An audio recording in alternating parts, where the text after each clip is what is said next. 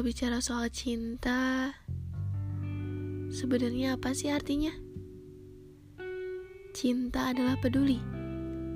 Cinta adalah bahasa yang selalu diutarakan. Cinta adalah mengorbankan segalanya dan melakukan yang terbaik. Ya, semua orang punya arti masing-masing tentang cinta. Tapi kalau menurut saya, cinta adalah hal yang membingungkan. Ketika saya memilih untuk jatuh cinta sama dia, hal yang pertama kali saya rasakan adalah kebingungan. Bingung. Bingung sebenarnya apa yang dia pikirkan tentang saya. Bingung juga saat saya berusaha untuk menunjukkan perasaan itu tapi saya nggak berani. Saya takut. Takut untuk menghadapi semua kebingungan itu. Dan saya pikir, semesta juga sama. Semesta nggak akan bisa mengartikan cinta. Tapi semesta tahu bagaimana rasanya mencintai dan dicintai. Cinta yang dirasakannya itu nyata, dan terasa adanya. Waktu saya jatuh cinta sama dia, yang saya ingin lakukan cuma pengen selalu sama dia dan menjadi tempat dia pulang. Tempat yang disebut sebagai rumah. Saya ingin dia menjadikan saya sebagai rumahnya. Walaupun dia gak bisa jadi rumah untuk saya, itu gak apa-apa. Setidaknya, saya masih punya tempat bukan? Walaupun hanya sedikit. Atau bahkan yang terburuk, gak sama sekali. Saya ingin selalu melakukan yang terbaik buat dia. Intinya, kalau dia bahagia, saya juga ikut bahagia. Bucin banget kan? Saya juga rela memberikan seluruh hati saya cuma buat dia. Sampai tiba akhirnya bahwa perkara cinta dan cita udah gak bisa sama-sama lagi. Dia mundur beberapa langkah dari saya. Saya berjalan sendirian. Dan di tengah jalan itu, saya ngeliat ke belakang.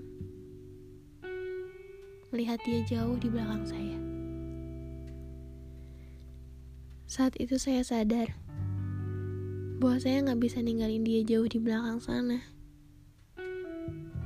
Dan saya nunggu dia, menunggu dia datang untuk menghampiri saya. Entahlah, sebenarnya saya yang meninggalkan dia atau dia yang meninggalkan saya. Yang saat itu saya sadari adalah ternyata dari awal tujuan perjalanan saya dan dia sudah berbeda. Tapi saya nggak peduli seberapa sulit masalah yang saya dan dia hadapi, seberapa lama saya nunggu dia, mungkin akan lebih mudah untuk bertahan daripada berpisah. Dan bagaimana bisa saya lebih menyukai sakit hati di saat dia adalah satu-satunya yang saya cintai. Haruskah saya kembali dan melangkah ke masa lalu? Ketika kita berjalan bersama di jalan yang sunyi tanpa banyak bicara. Tapi saya sadar bahwa saya sudah tak bisa lagi melangkah lebih jauh. Dan setiap langkah yang saya ambil, tangan dia yang biasa saya genggam kini mulai menghilang. Dan saat itulah terjadi perpisahan. Saya benci, saya benci sebenarnya harus mengatakan ini. Saya benci harus ngaku kalau saya khawatir. Dan saya, saya mau dia selalu baik-baik aja. Walaupun saya tahu dia gak peduli kalau saya baik-baik aja atau enggak. Karena kan kalau kita udah sayang sama seseorang, udah cinta sama seseorang, walaupun gak bisa kita milikin, tetap aja peduli dijadikan nomor satu.